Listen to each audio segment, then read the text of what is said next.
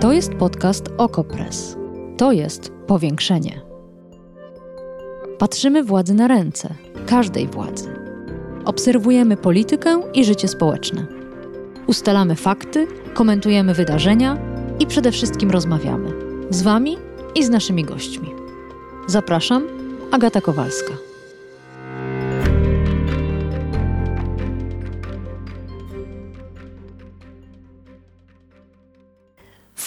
Dziś mamy prawie 1000 szpitali, ale powinno być około 130 szpitali na 40 milionów mieszkańców, powiedział podczas Campus Polska Tomasz Grocki, marszałek Senatu i lekarz.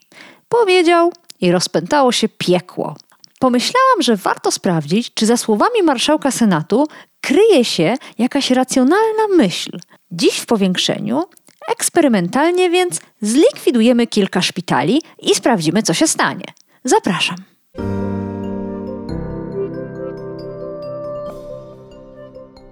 A do wspólnego likwidowania szpitali zaprosiłam doktor habilitowaną Katarzynę Dubas-Jakubczyk z Instytutu Zdrowia Publicznego na Wydziale Nauk o Zdrowiu na Uniwersytecie Jagiellońskim. Dzień dobry pani. Dzień dobry. Zacznijmy od diagnozy. Zastanawiam się, zanim zaczniemy likwidować szpitale, czy już ktoś przed nami nie zaczął tego robić. Innymi słowy, czy w Polsce obecnie więcej szpitali powstaje albo oddziałów szpitalnych, czy jednak więcej się ich likwiduje? Jaki jest trend? Zaczynając od początku, odpowiedź na pytanie, ile jest w Polsce szpitali, wcale nie jest prosta i jednoznaczna, bo to zależy, jak się je liczy. Czy uwzględniacie na przykład placówki udzielające świadczeń w trybie jednego dnia, czy na przykład statystyki publikowane przez ministra zdrowia uwzględniają też szpitale podległe Ministerstwu Obrony Narodowej czy e, Ministerstwu Spraw Wewnętrznych i Administracji. Ale można przyjąć, że w Polsce aktualnie jest około 950 szpitali. Wśród tych 950 szpitali około 600 jednostek to szpitale publiczne, Natomiast 300 szpitali to aktualnie szpitale prywatne, przy czym te 600 szpitali publicznych daje nam prawie 87% łóżek szpitalnych bo rozmawiając o sektorze szpitalnym, nie tylko liczba szpitali jest ważna, a tak naprawdę jeszcze ważniejsza jest liczba łóżek szpitalnych. Mm. Szpitale prywatne dynamicznie rozwijały się w ostatnich latach, jednak w większości, pomimo że jest ich ponad 300, są to mniejsze jednostki mm. i często są to jednostki monoprofilowe, na przykład specjalizujące się w ginekologii, w rehabilitacji czy na przykład w nefrologii. Jeżeli chodzi o trendy, to w ciągu ostatniej dekady liczba szpitali publicznych nieznacznie zmalała, ale ponieważ w tym samym czasie liczba szpitali prywatnych wzrastała, tak naprawdę nie ma, nie ma, tu, nie ma tu e, wielkich zmian. Możemy zaobserwować nieznaczny wzrost liczby szpitali. Natomiast jeżeli chodzi o liczbę łóżek, to tutaj odnotowaliśmy w ciągu ostatniej dekady niewielki, e, niewielki spadek liczby łóżek. No i tutaj no oczywiście, że mm, przyczyną jest zamykanie, e, zamykanie oddziałów i to zamykanie oddziałów dość głośno o tym e, teraz jest, wynika po pierwsze z braku kadr, ale też w ostatnich latach ze względu na zbyt małą liczbę pacjentów. Przed pandemią średnia wartość obłożenia łóżek w szpitalach ogólnych to było 65% znacznie poniżej, znacznie poniżej średniej, e, średniej europejskiej. E, natomiast jeżeli już mówiąc o średniej europejskiej i tej liczbie szpitali, to takie porównania międzynarodowe nie, e, nie dokonuje się ich liczbą szpitali, tylko liczbą łóżek przypadających na 100 mhm. tysięcy mieszkańców.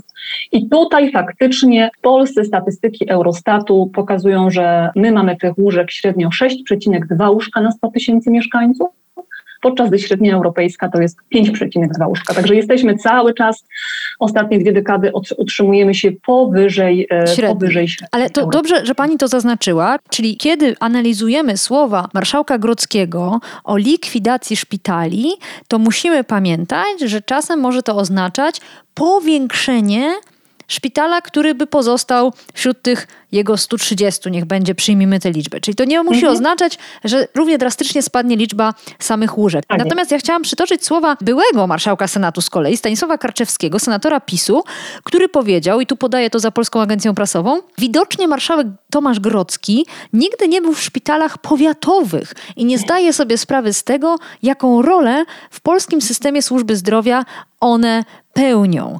To oczywiście złośliwość, ale powiedzmy, jaką rolę pełnią szpitale powiatowe, bo to o nich najczęściej mówimy, piszemy, że zostaną e, zlikwidowane albo właśnie okrojone z jakiegoś ważnego oddziału.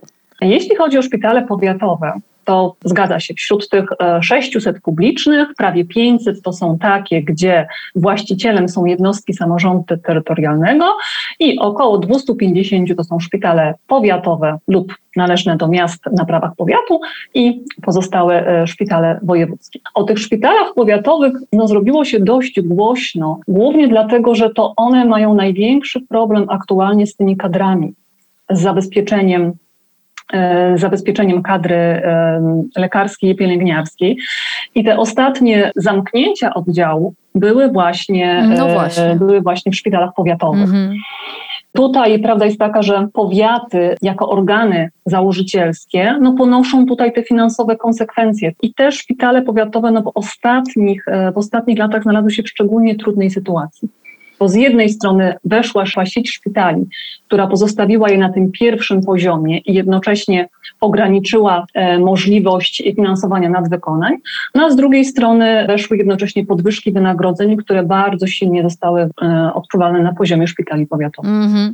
No dobrze, to na chwilę zostawiamy szpitale powiatowe, a przenosimy się do Danii, dlatego że to właśnie Danię podał marszałek Grocki jako dobry przykład, jako dobrą praktykę. Co tam się wydarzyło? Jaką politykę przyjęła Dania? No faktycznie trzeba przyznać, że te reformy szpitalne w systemie duńskim są e, bardzo szeroko, e, bardzo szeroko dyskutowane. Są to też jedne z najlepiej opisanych w literaturze przedmiotu i zewaluowanych reform szpitali. Typowa duńska Otóż... polityka publiczna. Wiedzą, co tak robią, jest. dlaczego to robią, po co to robią, a potem jeszcze sprawdzają, czy mieli rację.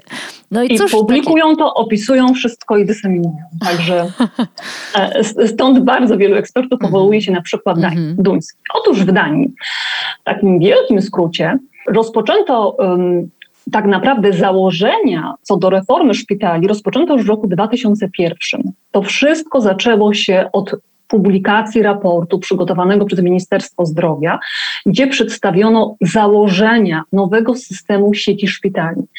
Tam przyjęto założenie, że szpital leczący pacjentów w trybie ostrym, czyli tłumacząc na polski taki, który ma e, SOR, i transportuje pacjentów w trybie ostrym, powinien przypadać średnio na populację pomiędzy 200 a 400 tysięcy mieszkańców. I w systemie duńskim po przeliczeniu na liczbę mieszkańców, wyszło im, że powinni zlikwidować szpitale tam z 40 na, mm, na 20. Przy czym to, co jest bardzo ważne w tej reformie duńskiej, planowanie reformy i etap negocjacji z właścicielami szpitali trwało kilka lat i kolejnych kilka lat trwało wdrażanie reformy. A na etapie wdrażania reformy bardzo duże środki finansowe E, zostały przekazane zarówno na inwestycje w tych szpitalach, e, które e, zostały pozostawione, jak i rozwój, rozwój informatyzacji, rozwój zdrowia, rozwój e-usług. Finalnie, owszem, zlikwidowano tam 20 szpitali y, i te szpitale, które pozostały, one zajmują się de facto leczeniem, leczeniem pacjentów, który, którzy wymagają opieki wysokospecjalistycznej. Trzeba przy tym zauważyć, że, że w Danii mają dość silnie rozwinięty POZ tradycyjnie. Ta podstawowa opieka zdrowotna jest w Danii silnie rozwinięta, ale również w Danii mają silnie rozwiniętą y, tą opiekę długoterminową. Czyli dwa aspekty, które naprawdę e, tak naprawdę. To zaraz jeszcze do tego wrócimy. No właśnie, bo to ja od razu myślę o tym, przecież w Polsce my tego po prostu nie umiemy robić. Ale jeszcze mhm. a propos Danii, pojawił się komentarz, oczywiście w reakcji na słowa marszałka Grodzkiego, komentarz posła Adriana Zandberga z partii Razem, który napisał: Bilans duńskich superszpitali nie jest oczywisty. Obecny rząd ocenia, że reformy prawicy przyniosły nierówności. Dlatego socjaldemokraci szli do wyborów z hasłem szpitala w pobliżu i rozbudowy lokalnej ochrony zdrowia. I to nas prowadzi bezpośrednio do y, rozdziału pod tytułem Zagrożenia. Ponieważ oprócz tego, że marszałek Grodzki został uznany za niszczyciela zdrowia publicznego, to pojawiło się mnóstwo, mnie się zdawało, dosyć racjonalnych obaw. Jedną z nich było to, że do szpitala będzie po prostu fizycznie, geograficznie za daleko, zwłaszcza w takim kraju z wysokim poziomem wykluczenia transportowego jak Polska. Czy jest na to jakaś odpowiedź? No, po pierwsze należy przyznać, że pomimo, że ta reforma duńska jest bardzo dobrze opisana i zewaluowana, to wcale nie było tak, że w Danii na etapie jej wdrażania wszyscy byli zadowoleni. Tam były kilkuletnie negocjacje pomiędzy władzami lokalnymi a władzami centralnymi w kwestii e, likwidacji czy przekształcenia szpitali. Również nie obyło się bez, bez lokalnych strajków. To, co pokazała ta reforma duńska, to przede wszystkim to, że nie da się przeprowadzić reformy szpitali, nie da się zlikwidować szpitali, skupiając się tylko i wyłącznie na, na tym obszarze, mhm. obszarze szpitalnym. Mhm. Bo e, takie sytuacje były. Na przykład tak zrobiono e, w 2012 roku na Węgrzech, kiedy scentralizowano i odgórnie zamknięto szpitale, ale ponieważ nie zadbano jednocześnie o rozwój e, opieki na poziomie podstawowej opieki zdrowotnej ambulatoryjnej, skończyło to się brakiem, brakiem dostępu pacjentów do leczenia. Mhm. Problem nierówności w dostępie to jest problem, który pojawia się tak naprawdę w całej Europie, bo problem braku kadr, owszem, w Polsce jest wyjątkowo silny, ale to jest problem globalny. I tutaj e, różne kraje w różny sposób próbują sobie z tym radzić, przy czym rzadko kiedy jest to inwestowanie i rozbudowanie sektora szpitalnego, to jest raczej budowanie opieki tak zwanej community centers, czyli e, opieki na poziomie lokalnym, opieki w trybie ambulatoryjnym, przekształcanie szpitali w centra opieki dziennej, bądź też coś, co jest bardzo potrzebne, w centra opieki długoterminowej. Tylko my w Polsce nie dowierzamy, że to mogłoby się naprawdę wydarzyć. Raczej obawa jest taka, że pieniądze, lekarze, pielęgniarki, pielęgniarze odejdą do dużych miast, tam gdzie będą umieszczone te wielkie szpitale, które pozostaną, a w mniejszych miejscowościach, na obszarach wiejskich nie powstanie prawdziwa opieka, tylko jakiś punkt czynny od 10 do 11.30, że taka, taka reforma zapewni mieszkańcom dobrą, na wysokim poziomie opiekę na miejscu. Tak, przy czym u nas to jest taki troszkę zaklęty krąg, mhm. bo to, że my mamy tak dużo tych łóżek w szpitalach publicznych i tak dużo tych szpitali publicznych, to jest po prostu e, efekt naszej historii. To, że my w Polsce na przykład najwięcej szpitali i łóżek w liczbach bezwzględnych mamy w województwie ślą e, śląskim, wynika stąd, że to była baza e, dla wojsk Układu Warszawskiego. I jeżeli my tego zaklętego i mamy, mamy za dużo szpitali, ta aktualna struktura szpitali nie jest dostosowana ani tak naprawdę do rzeczywistych potrzeb zdrowotnych, ani nie jest dostosowana do aktualnych możliwości technologicznych, bo ten postęp technologiczny sprawia, że coraz więcej zabiegów i procedur, które tradycyjnie były przypisane do szpitali, teraz można w sposób bezpieczny i e, z pełną e, satysfakcją dla pacjenta wykonać w trybie ambulatoryjnym. I wreszcie po trzecie, ta nasza infrastruktura nie jest dostosowana do naszych możliwości kadrowych. Na razie te szpitale po prostu zamykają oddziały tam, gdzie tak naprawdę no, dyrektor szpitala nie jest w stanie e, znaleźć lekarza czy pielęgniarek, a to jest problem, który będzie się tylko pogłębiał. I to jest problem, którego nie da się w żaden sposób krótkoterminowo rozwiązać. Więc jeżeli my nie przeprowadzimy jakiejś reformy, żeby zmienić strukturę świadczeń, żeby to, te kadry, które mamy, wykorzystać w sposób najbardziej efektywny, to y, uważam, że taka nieskoordynowane zamykanie szpitali e, doprowadzi do jeszcze, e, jeszcze większego problemu braku dostępu, niż jeżeli spróbujemy to zaplanować i faktycznie mm zmienić tą mm -hmm. strukturę świadczeń. Mm. A jeszcze jeśli chodzi o zagrożenia, e, pojawił się taki głos, że po prostu ludzie będą umierali, dlatego że właśnie szpitalne oddziały ratownicze albo lekarz, który wie, jak wyprowadzić pacjenta z zawału, będzie za daleko, że po prostu likwidacja szpitali oznacza jednoczesne wydłużenie w kilometrach drogi karetki choćby do specjalisty. Co pani na to?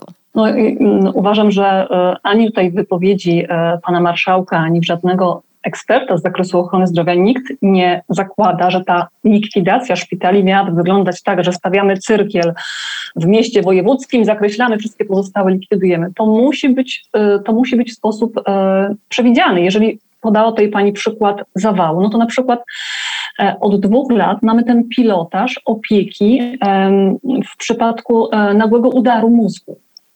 I cały ten pilotaż polega na tym, że mamy nadrzędne centrum koordynacyjne, które współpracuje na zasadzie sieci współpracy z jednostkami lokalnymi. Jeżeli pacjent dostaje udaru, to nie chodzi o to, żeby on trafił do jakiegokolwiek szpitala. No, chodzi o to, żeby on trafił do szpitala, gdzie jest kadra i jest sprzęt medyczny, którzy zapewnią mu szybkie dostarczenie mhm. właściwego świadczenia. W przypadku na przykład e, zawałów, trend, który w wielu krajach, e, teraz już również europejskich jest rozwijany, inwestuje się w regionalne ośrodki wielospecjalistyczne, które mają, do których pacjent ma zostać szybko dotransportowany. Ten pacjent ma mieć tam kompleksową opiekę i przebywać w nim tylko do 72 godzin, a potem, jak już jest ustabilizowany, może zostać przekazany do jakiegoś szpitala, który jest lokalizacyjnie bliżej, bliżej pacjenta. I, e, I my po prostu z tą naszą bazą, e, bazą szpitalną w Polsce i z brakami kadrowymi, e, no jeżeli jakaś tutaj reforma zaplanowana nie zostanie przeprowadzona, to to wszystko będzie na zasadzie tego, no w którym powiecie wezmą większy e, szpital, e, samorząd weźmie większy kredyt, żeby móc dofinansować ten szpital, żeby mogli szukać tych lekarzy na coraz mm wyższe stawki, a tych lekarzy po prostu mhm, fizycznie mm nie mhm. będzie. Ale a propos właśnie lekarzy. Kolejny głos, jaki się pojawił, to to, że poradnie przyszpitalne będą za daleko, a Polacy wolą korzystać z porad e, lekarzy pracujących na co dzień w szpitalach, bo tam pracują najlepsi specjaliści? To jest tak. Gdzie pracują najlepsi, najlepsi specjaliści? To jest bardzo trudne pytanie. Nawet nie wiem, czy jakieś badania były w tym e, obszarze przeprowadzone, ale my cały czas używamy tego bardzo mm, niefortunnego sformułowania likwidacja. Mhm. Zamiast słowa likwidacja, tak naprawdę e, należałoby użyć słowa konsolidacja i koordynacja. Bo my taki szpital powiatowy wcale nie musimy go zamykać, tylko możemy go e, przekształcić e, w centrum, e, centrum usług ambulatoryjnych. Jeżeli chodzi o te przychodnie przyszpitalne, to jest to na pewno coś, co trzeba rozwijać. Założenie sieci szpitali było takie, żeby pacjent miał tą kompleksową opiekę w ramach przychodni, w ramach w danym szpitalu.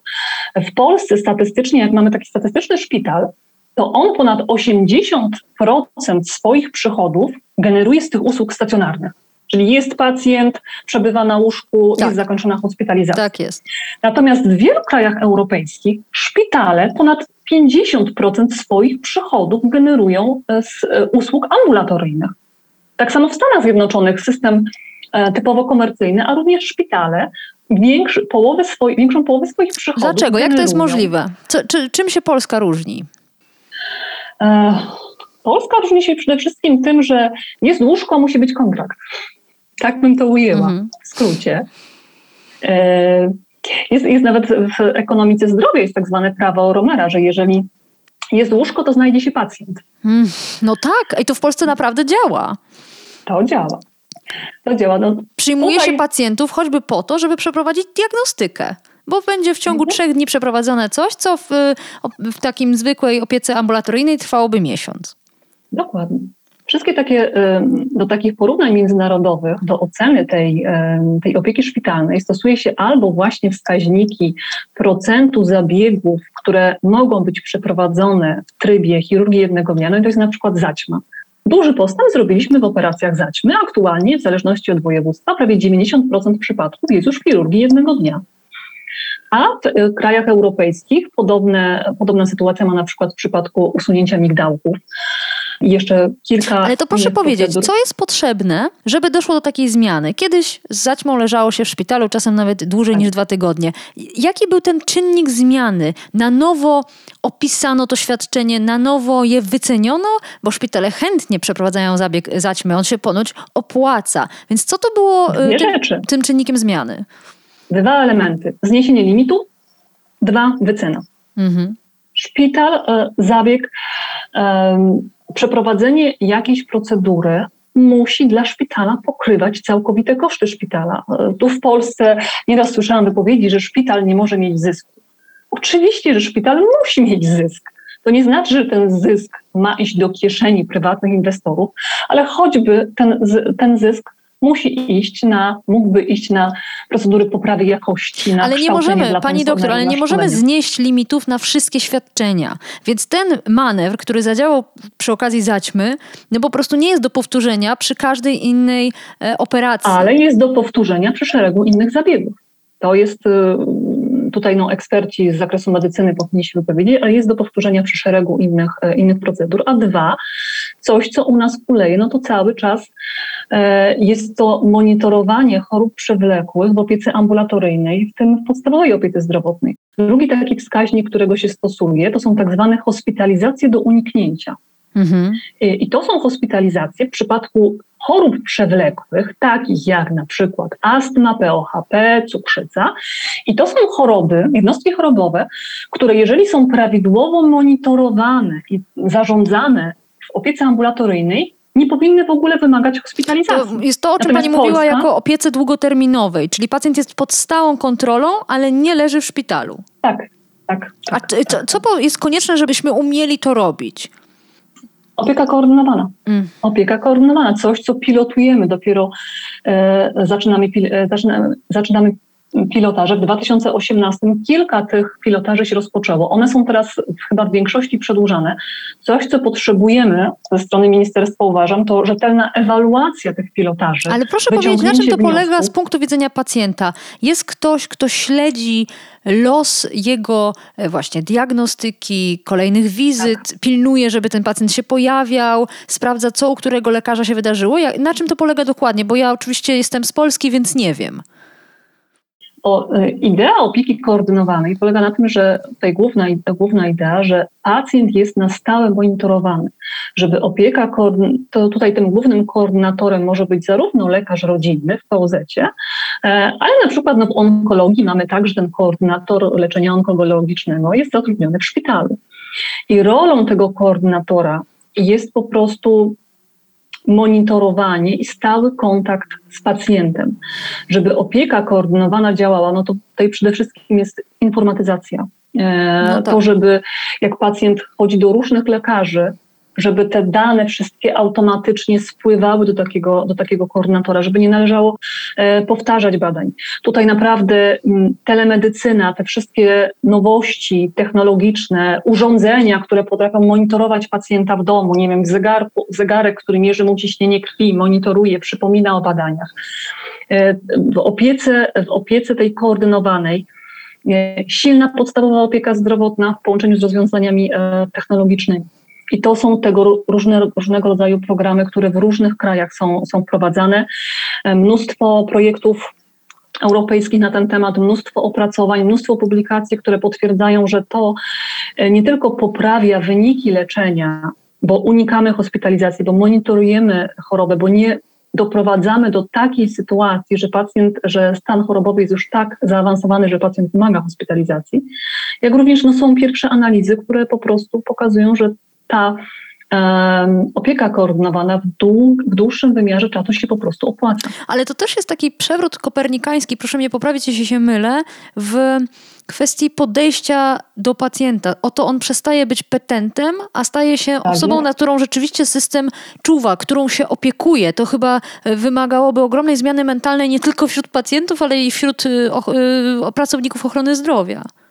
Tak jest, no ale w tym momencie mamy do czynienia tak naprawdę z wymianą pokoleniową, e, jeżeli chodzi o kadry medyczne. Jest ten ogromny problem, że bardzo dużo naszych lekarzy i pielęgniarek to są e, osoby w wieku emerytalnym i mamy do czynienia z tą, tą nową e, wymianą pokoleniową.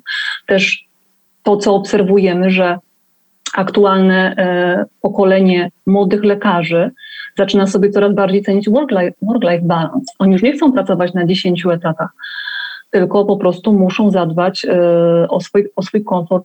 Także ta wymiana pokoleniowa się powoli, e, się powoli dokonuje i również e, pacjenci mimo wszystko zaczynają być coraz bardziej świadomi swoich praw.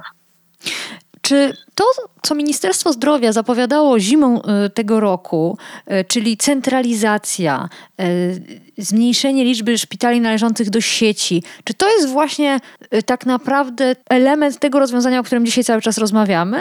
Ja uważam, że każdy, kto choć trochę zajmuje się ochroną zdrowia, zgodzi się z tym, że mamy w Polsce za dużo szpitali za dużo łóżek szpitalnych i złą strukturę udzielanych świadczeń. I to myślę, że politycy z różnych tak naprawdę opcji politycznych się, e, się mogą pod tym podpisać. E, pytanie tylko, jak to zmienić? Jak taką e, reformę przeprowadzić. No ministerstwo zapowiadało, że stworzymy sieć szpitali takich, które są właśnie specjalistyczne, wysoko dofinansowane, z dobrymi kadrami, z dobrym sprzętem. I tak się zastanawiam, czy tu nie pobrzmiewają paradoksalnie e, te pomysły związane z zmniejszeniem liczby szpitali po prostu. Ja też tak uważam, że to się pokrywa. Mhm to się pokrywa, bo hasło sieci szpitali, no my teoretycznie mamy sieć szpitali od 17 roku, przy czym tak naprawdę w literaturze takiej międzynarodowej, jeżeli mówimy o sieci, to główną ideą sieci jest współpraca. Jest współpraca pomiędzy jednostkami. Jeżeli my na przykład, nie wiem, w dwóch powiatach e, sąsiadujących ze sobą mamy dwa szpitale o podobnym profilu usług, no to to ani nas na to nie stać, ani nie mamy kadr, żeby to utrzymywać, ani to nie jest potrzebne dla zachowania no, bezpieczeństwa ale, tak pacjentów. jak mówię, mnie się zdaje, że Ministerstwo Zdrowia też już to rozpoznało i postanowiło temu zapobiec. Tak. W, ostatnich, w ostatnim roku, w ostatnich dwóch latach to głośno z każdej strony sceny politycznej słychać o tym, że mamy za dużo szpitali i trzeba, e, trzeba przeprowadzić e, jakąś tutaj reformę tych struktur. Część przekształcić, część zlikwidować, część lepiej, e, lepiej skoordynować. I na koniec już zupełnie zostawmy likwidowanie szpitali, a zacznijmy rozwijać opiekę ambulatoryjną. Co w niej jest kluczowe, żeby ona dobrze weszła w tą nową rolę, trochę zastępującą niepotrzebną opiekę szpitalną, niepotrzebną hospitalizację pacjenta? Znaczy, wydaje mi się, że tutaj musimy iść jednocześnie. Z jednej strony rozwijać opiekę ambulatoryjną, a z drugą opiekę długoterminową bo w tym momencie też część pacjentów, którzy nam przebywają w szpitalach, to są pacjenci, którzy po prostu powinni być w zakładach opiekuńczo-leczniczych mm -hmm. czy mhm. w jednostkach pobytu długoterminowego. Mm -hmm. Natomiast z tą opieką ambulatoryjną, no to oczywiście, że różne podejścia można stosować, ale najważniejsza tutaj jest wycena. Ale można stworzyć zachęty, moćce motywacyjne. I tutaj no, główne narzędzie to jest, to jest NFZ i te zachęty finansowe. Mm -hmm. Tak należy je wycenić, żeby szpitalom opłacało się na przykład przekształcać zamknąć, e, zamknąć e, oddział z łóżkami, a rozwijać tą opiekę ambulatoryjną albo rozwijać mm, oddział chirurgii jednego dnia. Bardzo dziękuję. Doktor habilitowana Katarzyna Dubas-Jakubczyk z Instytutu Zdrowia Publicznego na Wydziale Nauk o Zdrowiu na Uniwersytecie Jagiellońskim razem ze mną przekształcała szpitalnictwo w Polsce. Bardzo dziękuję pani doktor. Powiększenie. Podcast Okopres. Prowadzenie Agata Kowalska. Podcast znajdziesz na stronie Okopres i w Twojej ulubionej aplikacji do podcastów. Redakcja Okopres działa od 2016 roku. Jesteśmy obywatelskim narzędziem kontroli władzy, obecnej i każdej następnej. Okopres utrzymuje się z Waszych darowizn. Wesprzyj nas, byśmy mogli działać dalej.